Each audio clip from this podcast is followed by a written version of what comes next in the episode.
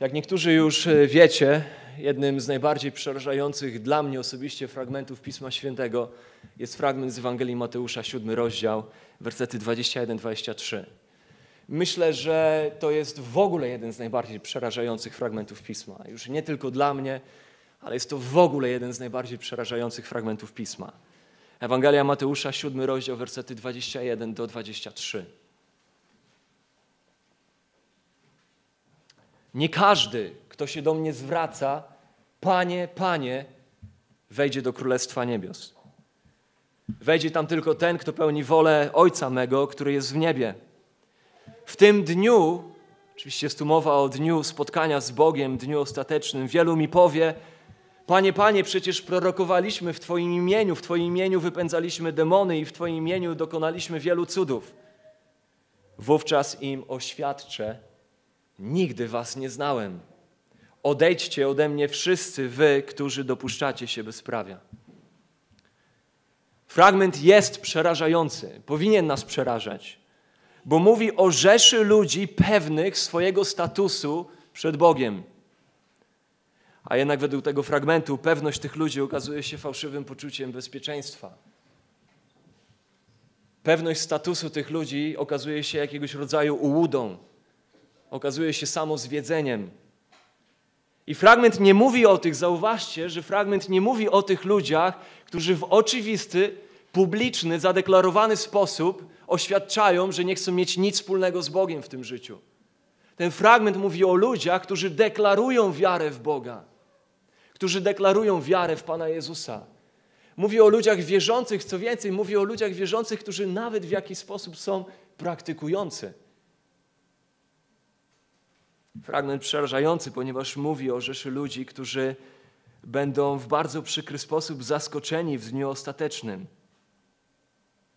Słyszymy tutaj werdykt Jezusa nad nimi, werdykt, który jest otrzeźwiający. Precz ode mnie. Nigdy Was nie znałem. I myślę, że jedno z najważniejszych pytań, które się rodzi, kiedy czytamy, słyszymy fragment taki jak ten, brzmi mniej więcej tak.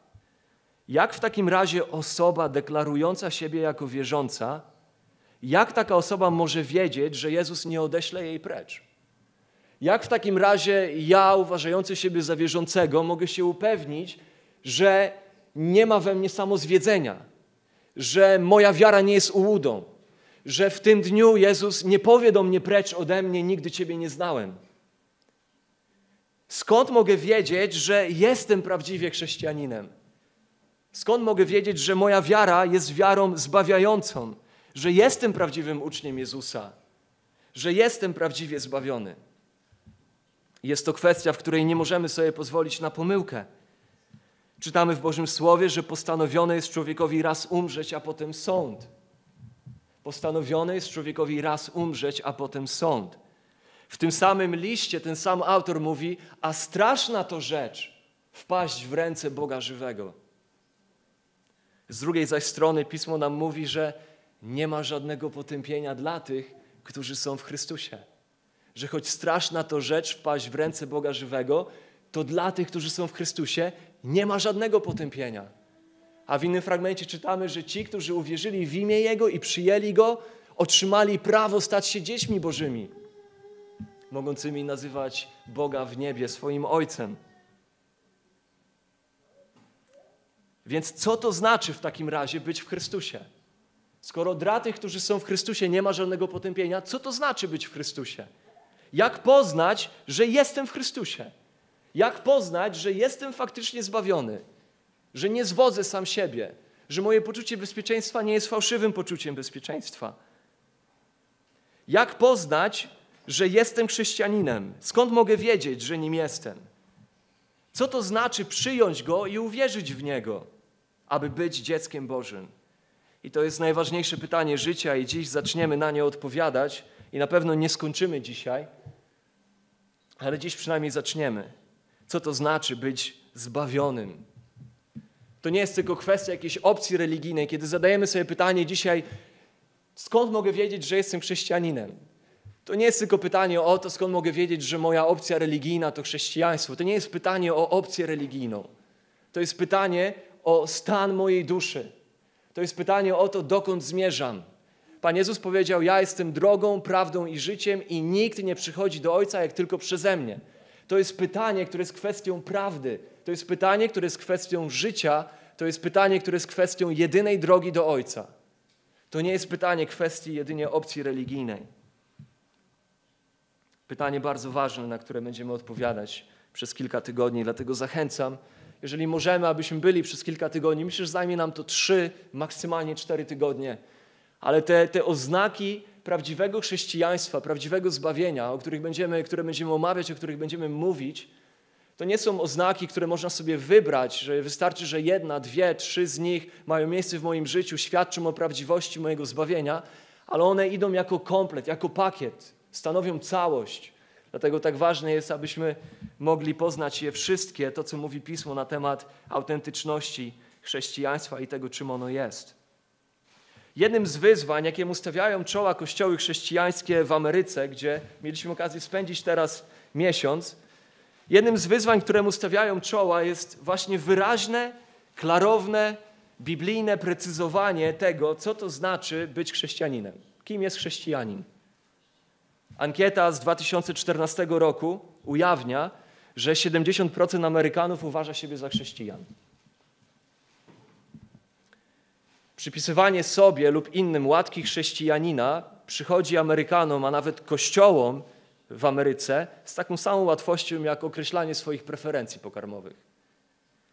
Na pogrzebach przemawia się często tak, jakby zmarli zapewne szli do nieba, do obecności Bożej, mimo kompletnego braku oznak chrześcijaństwa w ich życiu. Mówi się także, że pośród chrześcijan w USA ma miejsce taki sam procent rozwodów jak pośród niechrześcijan, albo że chrześcijanie w tym i w tym miejscu coraz częściej porzucają wiarę i zwracają się ku ateizmowi, porzucają Kościół. W Polsce, kochani, sytuacja wygląda nawet gorzej. W Polsce mamy nie 70% ludzi deklarujących siebie jako chrześcijan, ale mamy 90%, 92% ludzi deklarujących siebie jako chrześcijan. Podczas gdy jednocześnie 92% populacji, to jest prawie całość populacji, a jednocześnie widzimy stale rosnącą chociażby przemoc i przestępczość. Wystarczy poczytać statystyki. Co najgorsze, nawet w gronie duchowieństwa rzekomo chrześcijańskiego wychodzą na jaw liczne akty alkoholizmu, korupcji, a nawet pedofilii i wykorzystywania seksualnego. I to wszystko pod łatą, pod szyldem chrześcijaństwa. I społeczeństwo patrzy i zastanawia się, co jest nie tak z chrześcijaństwem, co jest nie tak z chrześcijanami. A inni od razu wydają wyrok. Chrześcijaństwo i chrześcijanie to tylko kolejna skorumpowana religia i grupa obłudnych ludzi. Podczas gdy pierwszym pytaniem, które powinniśmy sobie zadać, to jest to, czy to, co podaje się za chrześcijaństwo, jest de facto chrześcijaństwem. Zanim wydamy wyrok, zanim wysuniemy wniosek, że chrześcijaństwo, które widzimy, jest obłudą i jest skorumpowaną religią, pierwsze pytanie, które powinniśmy sobie zadać, czy to, co widzimy, co nazywa się chrześcijaństwem, czy w ogóle jest chrześcijaństwem według Bożej definicji chrześcijaństwa? To jest pierwsze pytanie, które powinniśmy sobie zadać. Czy chrześcijanin to każdy, kto osobiście deklaruje, że nim jest? Czy chrześcijanin to każdy, kto ogłasza, że nim jest? Czy chrześcijanin to ktoś, kto urodził się w rodzinie wierzącej? Czy chrześcijanin to po prostu ktoś, kto został ochrzczony lub bierzmowany? Czy chrześcijanin to ktoś, kto przynależy do zorganizowanej instytucji, która szylduje siebie jako chrześcijańska? Czy chrześcijanin to ktoś, kto przeżył coś duchowego, coś emocjonalnego na jakimś wydarzeniu ewangelizacyjnym, na obozie, na konferencji? Podniósł rękę do góry, wyszedł do przodu, wypowiedział modlitwę? Czy chrześcijanin to po prostu ktoś, kto stara się być dobrym człowiekiem? Czy chrześcijanin to po prostu ktoś, kto wierzy w Boga? Wielu właśnie na tych rzeczach opiera zrozumienie, pojmowanie chrześcijaństwa, pojmowanie zbawienia.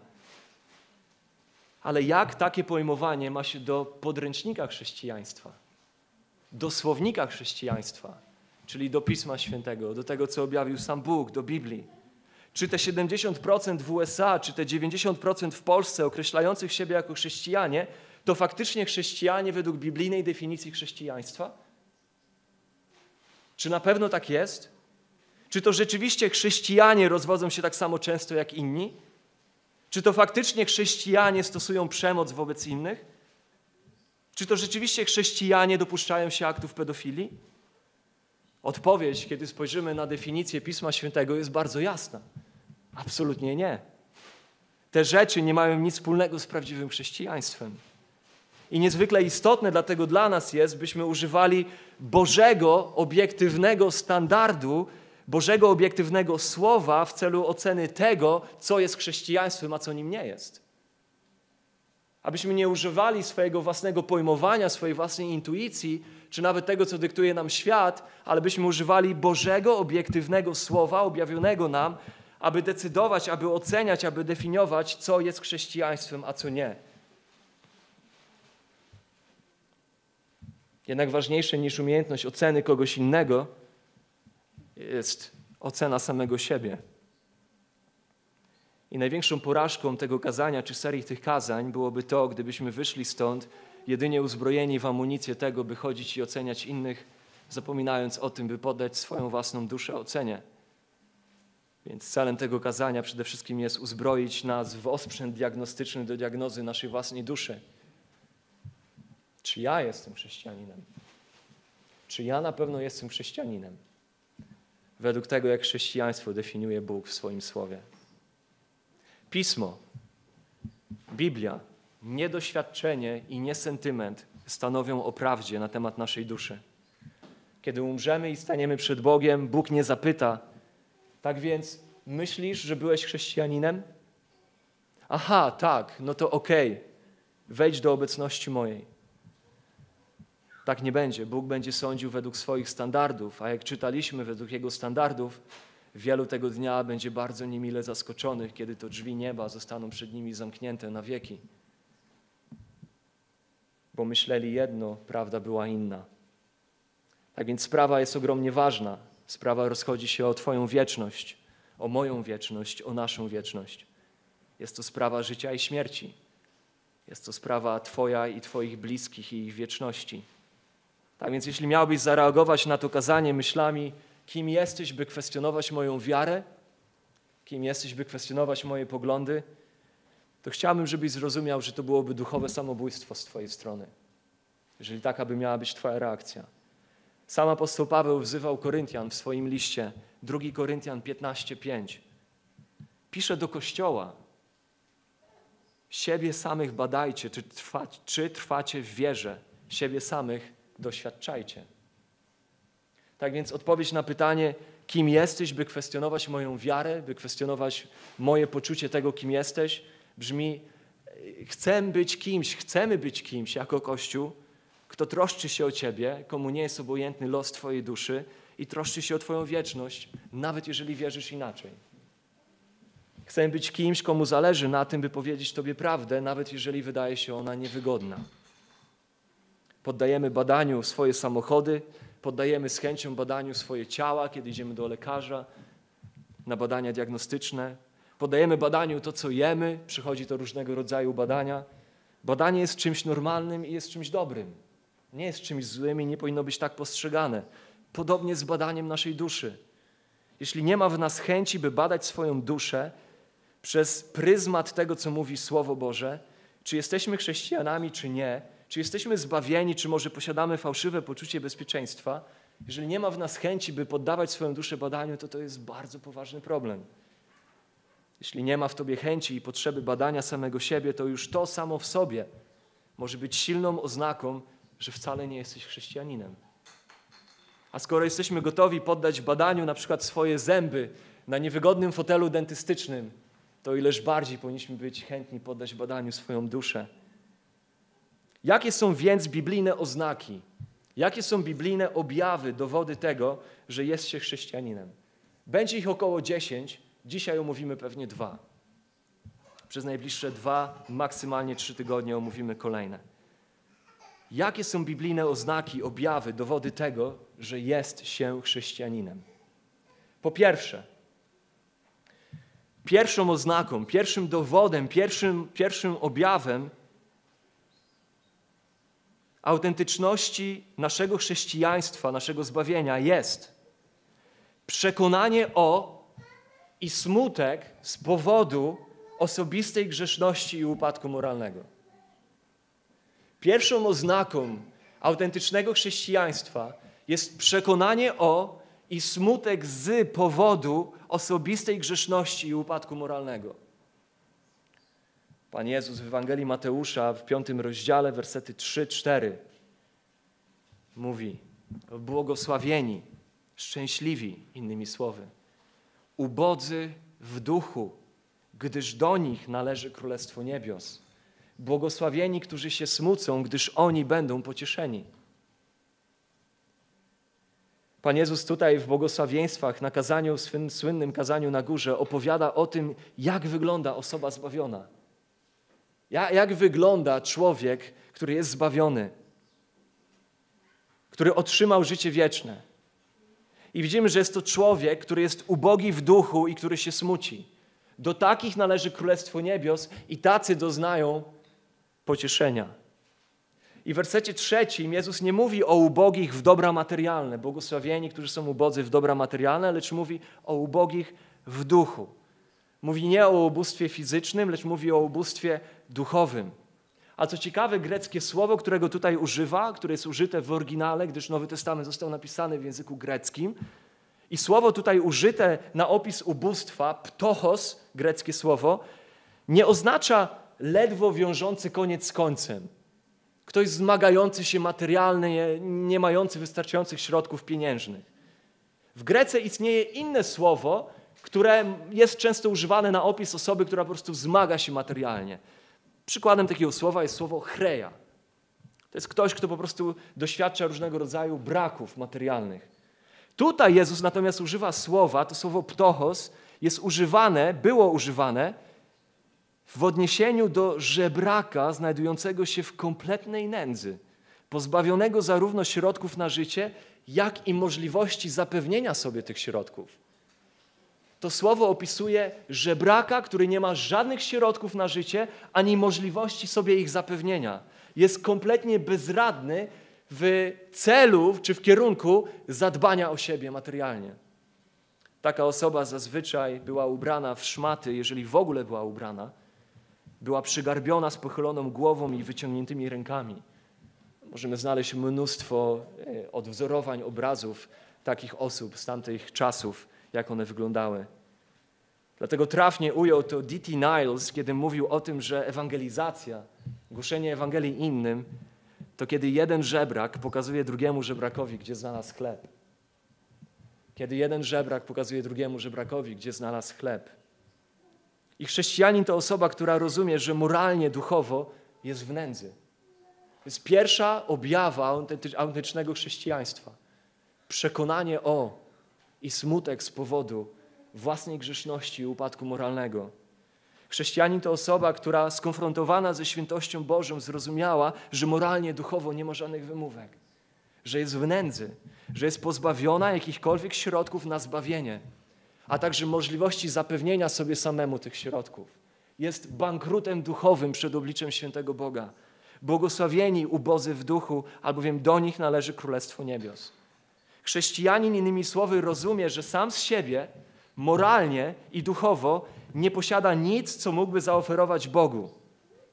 I osobiście przyjmuje prawdę o tym, że z powodu swojego grzechu ma nieskończony debet, ma nieskończony dług przed doskonałym moralnie Bogiem i tym samym nie jest w stanie dołożyć niczego ku swemu usprawiedliwieniu przed Bogiem i życiu wiecznemu w niebie. Psalm 34, werset 19 mówi o tym, że bliski jest Pan tym, których serce jest skruszone i wybawia złamanych na duchu. To jest dokładnie obraz ubóstwa duchowego. Osoby, która rozumie, że w duchu, w naturalnym swoim stanie jest duchowym bankrutem. Nie ma niczego, co mogłaby przedstawić Bogu ku swemu własnemu usprawiedliwieniu. Jak powiedział pewien kaznodzieja, nikt nie przechodzi przez ciasną bramę. Ciasna brama to jest ten fragment z Ewangelii Mateusza, siódmego rozdziału. To jest ta brama, która prowadzi do życia wiecznego. Nikt nie przechodzi przez ciasną bramę, nikt nie wchodzi do życia wiecznego z uśmieszkiem na twarzy, ale wszyscy, którzy przez tę bramę wchodzą, wchodzą przez nią płacząc z powodu swoich grzechów. To jest oznaka autentycznego chrześcijaństwa. Czy kiedykolwiek płakałeś z powodu swojego upadku moralnego i przekonania o swojej własnej grzeszności? John Owen pisał: Oto test faktycznego działania Ewangelii w czyimś życiu. Czyni ona serce pokornym, uniżonym, wrażliwym na grzech i skruszonym z tego powodu. Duch łaski popycha nas ku upamiętaniu i uczy nas, by brzydzić się grzechem. Innymi słowy, prawdziwe chrześcijaństwo to nie jest zachwyt jakąś nową grupą ludzi, to nie jest zachwyt jakąś formą śpiewu, to nie jest zachwyt jakąś formą nabożeństwa. Prawdziwe chrześcijaństwo zaczyna się od przeżycia duchowego bankructwa w skonfrontowaniu z doskonale świętym Bogiem. Lub jak ujął to trafnie Kalwin, tylko wtedy zaczynamy szukać Boga, gdy zaczynamy być niezadowoleni z siebie.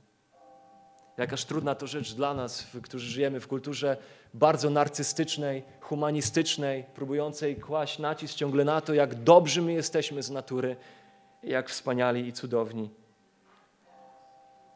A jednak potrzebne jest takie poczucie ubóstwa i smutku, takie niezadowolenie z siebie, które prowadzi nas do uchwycenia się czegoś, co jest na zewnątrz nas, szukania ratunku w czymś, co jest poza nami.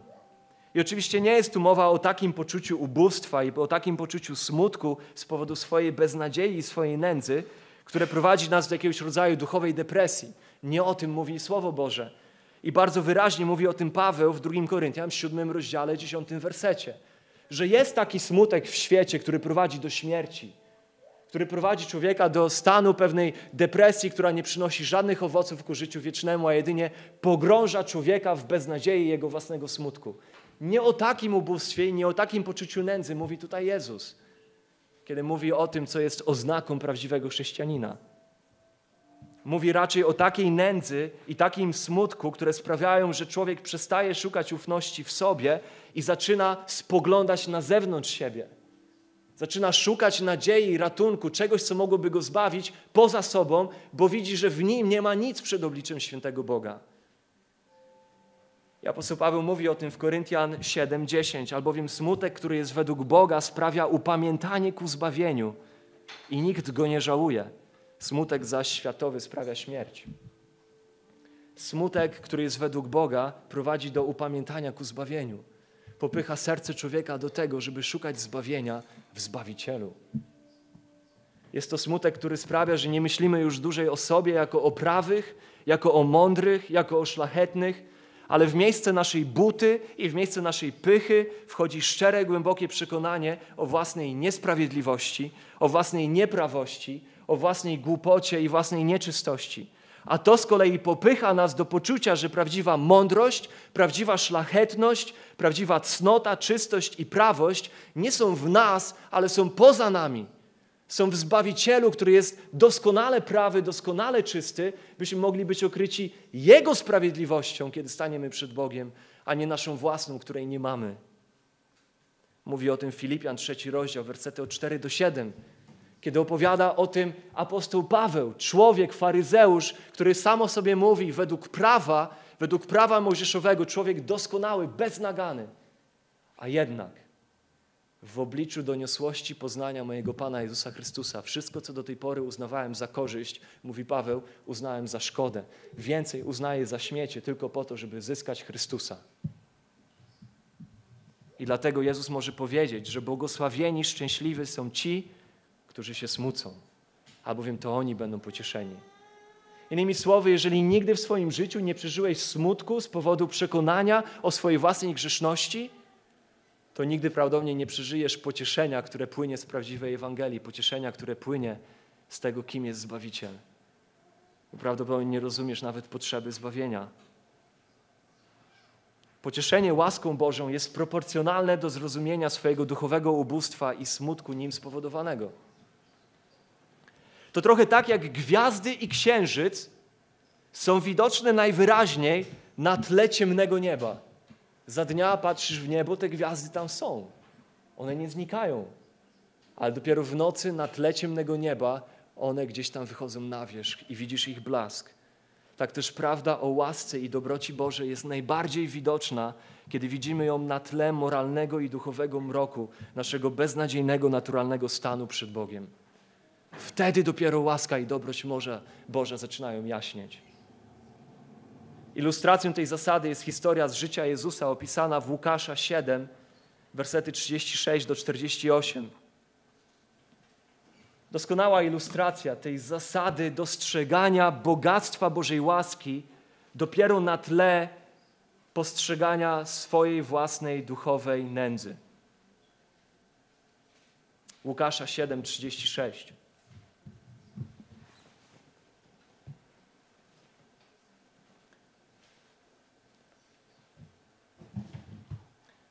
A oto pewna kobieta z tego miasta, grzesznica, dowiedziawszy się, iż zasiada przy stole w domu faryzeusza, przyniosła alabastrowy słoik olejku i stanąwszy z tyłu u jego nóg, zapłakała i zaczęła łzami zlewać nogi jego i włosami swojej głowy wycierać, a całując jego stopy namaszczała je olejkiem. Ujrzawszy to faryzeusz, którego zaprosił, mówił sam w sobie. Gdyby ten był prorokiem, wiedziałby, kim i jaka jest ta kobieta, która go dotyka, bo to grzesznica. Na to Jezus rzekł do niego: Szymonie, mam ci coś do powiedzenia. A ten mówi: Powiedz, nauczycielu. Pewien wierzyciel miał dwóch dłużników. Jeden był dłużny 500 denarów, a drugi 50. A gdy oni nie mieli z czego oddać, obydwom darował. Który więc z nich będzie go bardziej miłował? A Szymon odpowiadając rzekł: Sądzę, że ten, któremu więcej darował. A on mu rzekł: Słusznie osądziłeś. I zwróciwszy się do kobiety, powiedział Szymonowi: Widzisz tę kobietę? Wszedłem do twojego domu, a ty nie dałeś wody do nóg moich. Ona zaś łzami skropiła nogi moje i włosami swoimi wytarła. Nie pocałowałeś mnie, a ona, odkąd wszedłem, nie przestała całować nóg moich. Głowy mojej oliwą nie namaściłeś, ona zaś olejkiem namaściła nogi moje. Dlatego powiadam ci, odpuszczono jej liczne grzechy, bo bardzo miłowała. Komu zaś mało się odpuszcza, mało miłuje. I rzekł do niej, odpuszczone są grzechy Twoje. Komu mało się odpuszcza, mało miłuje. Innymi słowy, miłość do Chrystusa jest proporcjonalna do przekonania o własnej grzeszności. Kto ma mało przekonania o własnej grzeszności, będzie mało miłował. Będzie mało dostrzegał piękno i bogactwo łaski Zbawiciela. I tu nie jest mowa o tym, kto ma mało grzechu lub kto nie ma grzechu w ogóle. Obiektywnie stan każdego człowieka przed Bogiem jest taki sam. Rzymian 3:23 wszyscy zgrzeszyli i brak im chwały Bożej. I tam jest opis tego, jak prawo Boże zostało nam dane, żeby usta wszystkich ludzi przed Bogiem były zamknięte, żeby nie miały nic na swoją obronę. I apostoł Paweł pisze, nie ma ani jednego sprawiedliwego, nie ma kto by dobrze czynił, nie ma kto by szukał Boga. Natomiast subiektywnie, z różnych powodów, nasze przekonanie o tym stanie grzeszności jest różne. Obiektywnie Bóg stwierdza, wszyscy jesteśmy pozbawieni chwały Bożej. Subiektywnie, z powodu narcyzmu, z powodu różnego rodzaju filozofii, z powodu tego, co leżało u zalążka buntu człowieka, pragnienie, by być jak Bóg. To wszystko sprawia, że subiektywnie my po prostu tego nie czujemy. My czujemy się kimś i czymś więcej niż powinniśmy przed Bogiem. Jednak wiesz, że jesteś chrześcijaninem, gdy widzisz, rozumiesz, przyjmujesz się i smucisz swoją grzesznością przed obliczem doskonałego, świętego, czystego Boga, co z kolei popycha Ciebie do odwrócenia oczu od siebie samego i zwrócenia swoich oczu ku Zbawicielowi. Tak więc, gdy wrócisz dzisiaj do domu, jeżeli masz długopis, masz gdzieś to zanotować albo w komórce, zachęcam Cię, wyjmij komórkę, zanotuj to. Dzisiaj w domu, w zaciszu gdzieś tam swojego domu, może wieczorem, otwórz Psalm 51 i Psalm 32. Zachęcam Ciebie, zrób to dzisiaj. Psalm 51, Psalm 32. Przeczytaj je dziś w ciszy przed Bogiem, zadając sobie pytanie, czy jest w Twoim sercu świadomość duchowego bankructwa i smutku z powodu Twojej osobistej grzeszności i Twojego upadku moralnego przed Bogiem, na kształt tego, co przeżywał psalmista. Zarówno w Psalmie 32, jak i w Psalmie 51. Czy jest w Twoim sercu smutek na kształt tego, co przeżywał psalmista, co tak pięknie wyrażone jest w tych dwóch psalmach? Jeśli nie, jeśli nie znajdujesz tego w swoim sercu, jeżeli nie ma w Twoim sercu przekonania o grzechu, czy też przerażenia Twoją własną grzesznością przed Bogiem, zachęcam Ciebie, módl się. Módl się, wołaj do Boga i wołaj aż do tego momentu, kiedy Duch Święty da w Twojemu sercu przekonanie o grzechu, sprawiedliwości i sądzie. By powstał w Tobie smutek z Boga, który prowadzi do upamiętania ku zbawieniu, jak pisze Paweł w Koryntian. Oto pierwsza oznaka autentycznego chrześcijaństwa. Przekonanie o i smutek z powodu własnej grzeszności i upadku moralnego. Druga oznaka. Druga oznaka, wynikająca z tej pierwszej. Ta pierwsza prowadzi do tej drugiej. Pokładanie pewności wyłącznie w Chrystusie co do usprawiedliwienia przed Bogiem. Oznaką prawdziwego chrześcijaństwa jest pokładanie ufności czy pewności wyłącznie w Chrystusie co do usprawiedliwienia przed Bogiem. Ubogi w duchu to ten, który posiada poczucie ciężaru swojego naturalnego, nędznego stanu moralnego i duchowego przed Bogiem i z tego właśnie powodu ufności wypatruje w czymś na zewnątrz. Ufności wypatruje jedynie w łaskawej interwencji Boga, by ten mógł go zbawić, przebaczyć, pojednać usprawiedliwić i uczynić swoim. Posłuchajcie, Paweł pisze w liście do Filipian 3:9.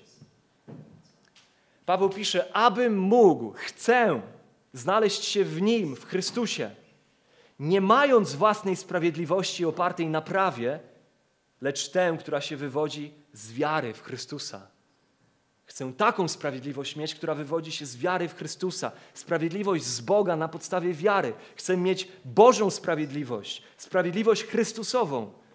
To jest niezwykle ważne w kwestii tego, kim jest prawdziwy chrześcijanin. To jest fundamentalna cecha, oznaka prawdziwego chrześcijaństwa. Jezus Chrystus zrobił dla człowieka to, czego człowiek nigdy nie mógłby zrobić sam dla siebie. Chrześcijanin to osoba, która posiada i pokłada całkowitą ufność w tym, że poza Chrystusem i poza dziełem Chrystusa na krzyżu i poza Jego zmartwychwstaniem zasługuje jedynie na to, by być wiecznie potępionym przez świętego i sprawiedliwego Boga. Chrześcijanin zgadza się ze słowami Richarda Baxtera, że na drzwiach piekła powinno być napisane zasłużone, a na nadprożach nieba powinno być napisane dar łaski. To jedynie przez Chrystusa i jedynie w Chrystusie, dzięki temu, kim jest i co uczynił na krzyżu, dzięki Jego przebłagalnej śmierci i dzięki Jego zmartwychwstaniu, kara za grzech grzesznika zostaje usunięta, uczy nas Słowo. Gdy ten, gdy grzesznik składa swoją ufność i swoją pewność właśnie w Nim, w Chrystusie, to dopiero kiedy grzesznik jest w Chrystusie, nie ma dla niego żadnego potępienia. Bramy nieba zostają szeroko otwarte dla grzesznika, który chwyta się Chrystusa, który chwyta się krzyża, chwyta się tego wiarą, ufnością i pewnością, pokładanymi w jego stanie moralnym przed Bogiem, a nie w swoim stanie moralnym przed Bogiem. Pewność chrześcijanina jest pewnością pokładaną w sprawiedliwości, w dobroci i w prawości Chrystusa, a nie w swojej własnej. Dlatego Paweł mówi: Chcę znaleźć się w nim. Mówi to człowiek, który nie był gdzieś tam na dnie, był alkoholikiem, który zmarnował swoje życie i już nic mu w życiu nie pozostało. Słowa pochodzą z ust człowieka, który można powiedzieć był na szczycie, życiowo miał wszystko, a jednak skonfrontowany z prawdą Bożą mówi: Chcę znaleźć się w Chrystusie. Nie chcę już znajdować i szukać swojego życia we wszystkich tych korzyściach cielesnych, nie mając własnej sprawiedliwości opartej na prawie, lecz tę, która się wywodzi z wiary w Chrystusa. To przez dzieło Chrystusa, a nie przez nasz udział, nawet nie w jednym procencie, grzesznik zyskuje usprawiedliwiony status przed Bogiem. Tylko i wyłącznie w Chrystusie, nawet nie w jednym procencie ze swojego udziału.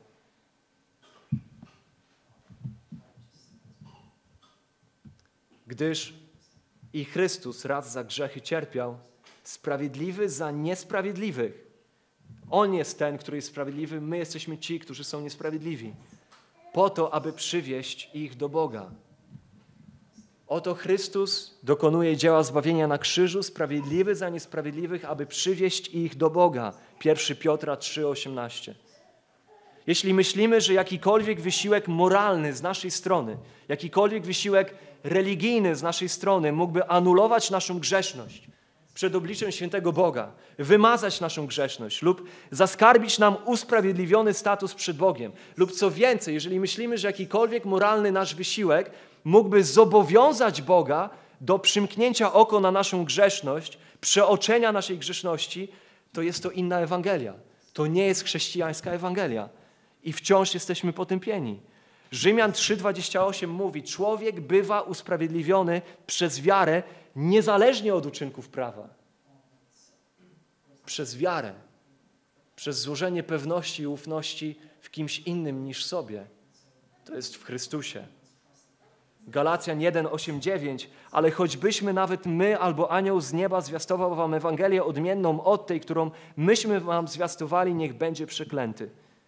Jak powiedzieliśmy przedtem, tak i teraz mówię, jeśli wam ktoś zwiastuje Ewangelię odmienną od tej, którą przyjęliście, niech będzie przeklęty.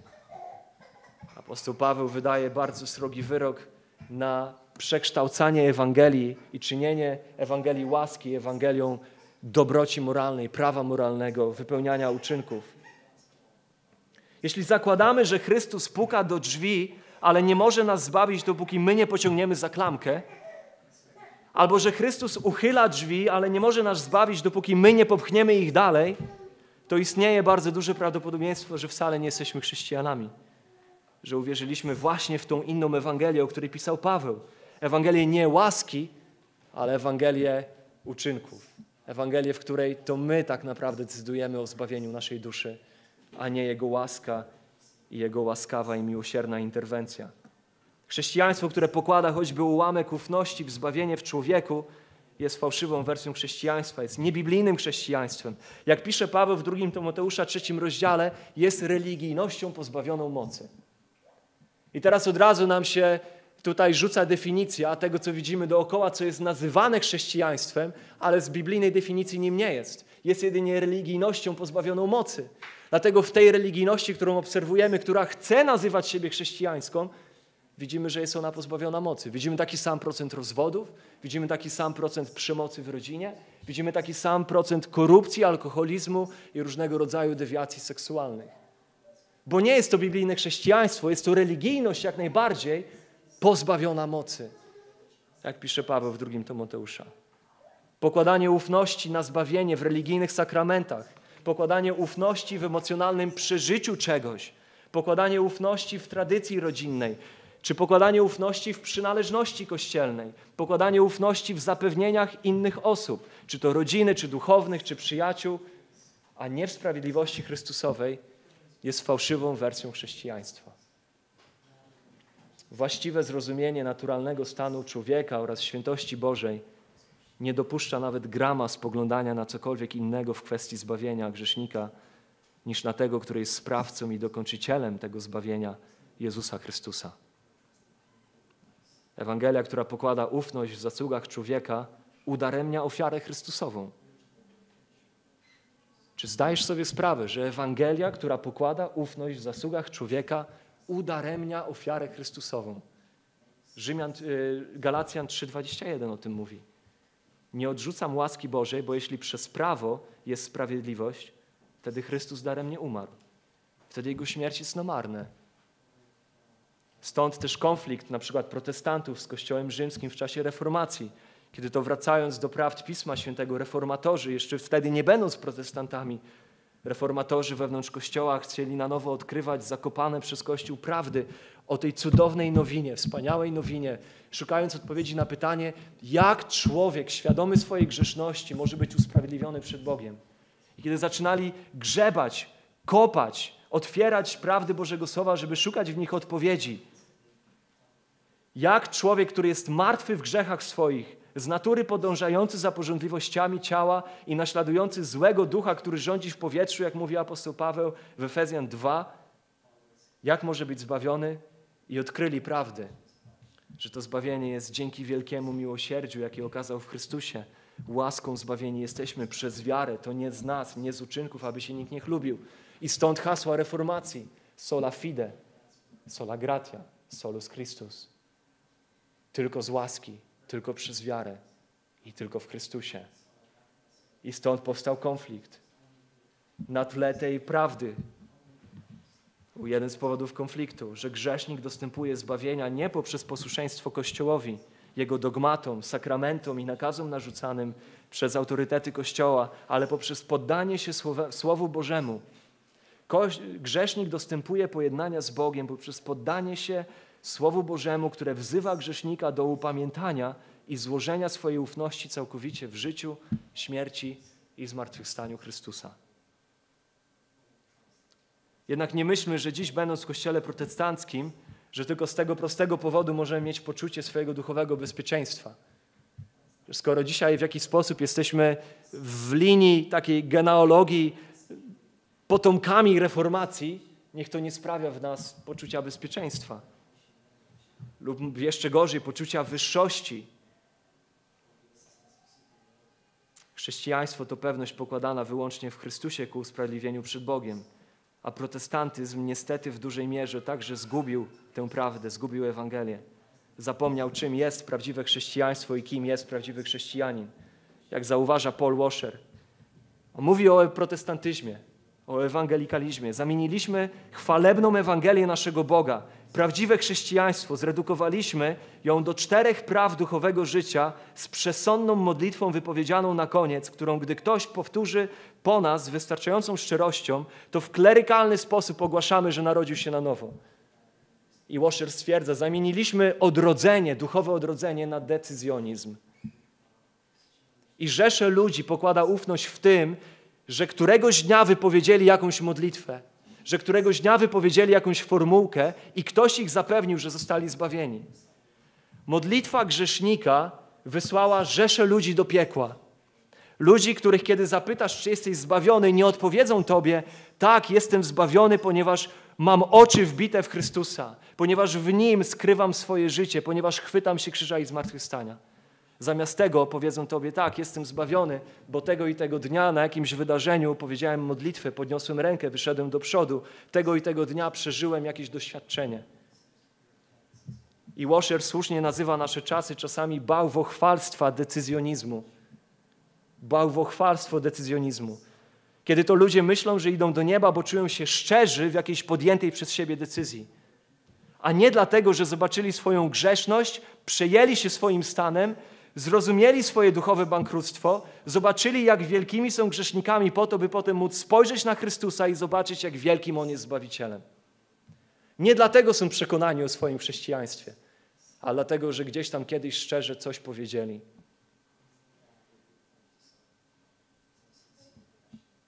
Tak więc prawdziwe chrześcijaństwo porzuca jakikolwiek przesąd o tym, że nasza natura lub nasze uczynki czy nasze doświadczenie – zobowiązują Boga do zbawienia nas.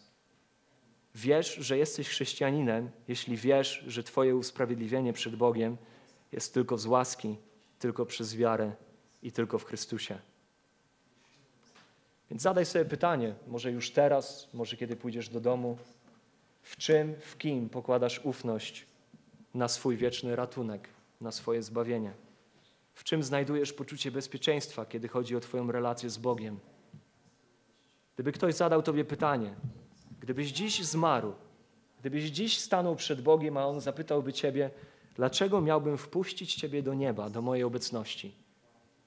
Gdybyś dzisiaj stanął przed Bogiem i On by Ciebie zapytał, dlaczego miałbym wpuścić Ciebie do nieba, to co byś odpowiedział?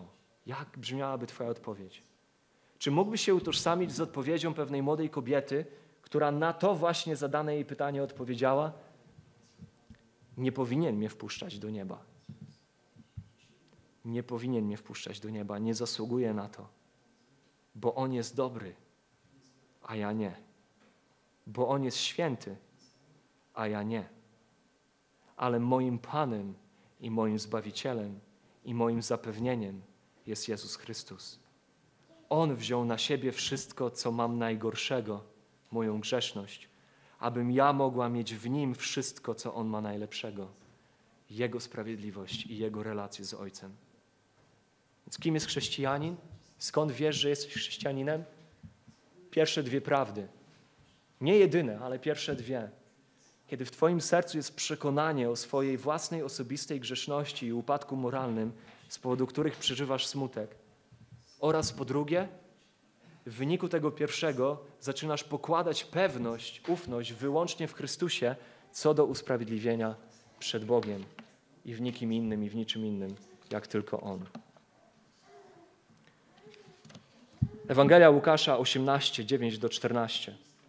Wsłuchajmy się w ten fragment, bo nim zakończymy to kazanie. Z tym fragmentem chciałbym nas wszystkich zostawić. Ewangelia Łukasza 18, 9 do 14. Jest to historia, która jest doskonałą ilustracją tych dwóch prawd, tych dwóch pierwszych oznak prawdziwego chrześcijaństwa. Przypowieść, którą opowiedział raz Jezus. Posłuchajmy jej. Łukasza 18, 9. Zwrócił się, oczywiście jest mowa o Jezusie, zwrócił się również do takich, którzy pokładali ufność w sobie samych, że są sprawiedliwi, a pozostałych mieli za nic, z taką przypowieścią. Dwóch ludzi weszło do świątyni, aby się modlić.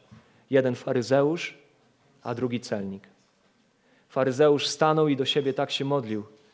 Boże, dziękuję Ci, że nie jestem jak pozostali ludzie, zdziercy, oszuści, cudzołożnicy, albo i jak ten oto celnik.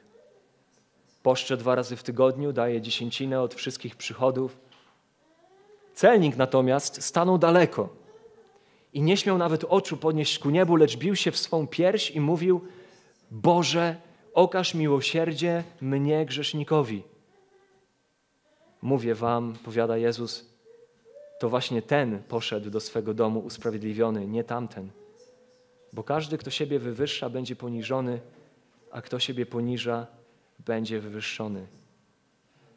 Czy pójdziesz dzisiaj do domu usprawiedliwiony? Oto jest najważniejsze pytanie, na które wszyscy musimy sobie odpowiedzieć w życiu. Pochylmy głowy, ale, ale nie w modlitwie głośnej, ale w chwili refleksji, zastanawiając się nad prawdami Bożego Słowa, poddając swoje serce temu, do czego wzywał Paweł Koryntian, badaniu tego, czy jesteśmy w wierze. Pochylmy głowy w chwili cichej modlitwy.